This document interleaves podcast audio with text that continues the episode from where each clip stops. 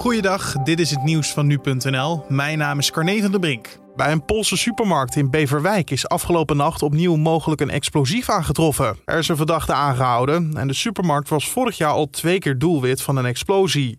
Rond 1 uur kreeg de politie een melding over een verdachte situatie bij de supermarkt. Volgens een woordvoerder werden spullen aangetroffen die mogelijk duiden op een explosief.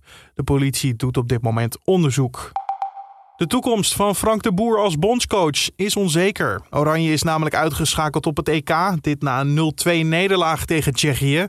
De boer wil eerst de uitschakeling laten bezinken voordat hij praat over zijn toekomst. We zitten hier met een ongelofelijke kaart. En om direct eerste gevoel te laten spreken, dat moet je gewoon niet doen. Dus uh, ik ga gewoon rustig uh, deze hele bittere pil uh, doorslikken en dan zien we het daarna wel. De boer staat nog tot en met het WK eind 2022 in Qatar onder contract bij de KNVB. De tijd begint alleen wel te dringen mocht er een nieuwe bondscoach komen. Want de eerstvolgende interland is op 1 september de belangrijke WK kwalificatiewedstrijd tegen Noorwegen. Daarnaast zijn er ook weinig andere opties. Een alternatief is er niet. Ik bedoel, de boer werd al een beetje bondscoach omdat er niet echt een alternatief was. Peter Bos is net begonnen bij Olympique Lyon. Van Gaal wil niet meer, Rijkaard wil niet meer. Dus eigenlijk lijkt de enige optie door te gaan met de boer. Of je moet nog aan een Cocu of een Van Bronckhorst denken. Dat was sportverslaggever Riepke Bakker. En nog even over gisteravond. Want uh, ja, Nederland-Tsjechië was niet de enige wedstrijd die gespeeld werd op het EK. België moest namelijk tegen geduchte concurrent Portugal. Zij wisten met 1-0 te winnen van Portugal en zijn dus door naar de kwartfinales. Het Amerikaanse leger heeft gisteren luchtaanvallen uitgevoerd op pro-Iraanse milities in Irak en Syrië. Volgens Syrië zijn hierbij vijf doden gevallen. De bombardementen waren een vergelding voor droneaanvallen op personeel en faciliteiten van de Verenigde Staten in Irak. Sinds begin dit jaar zijn er al tientallen aanvallen in Irak gemeld op Amerikaanse doelen.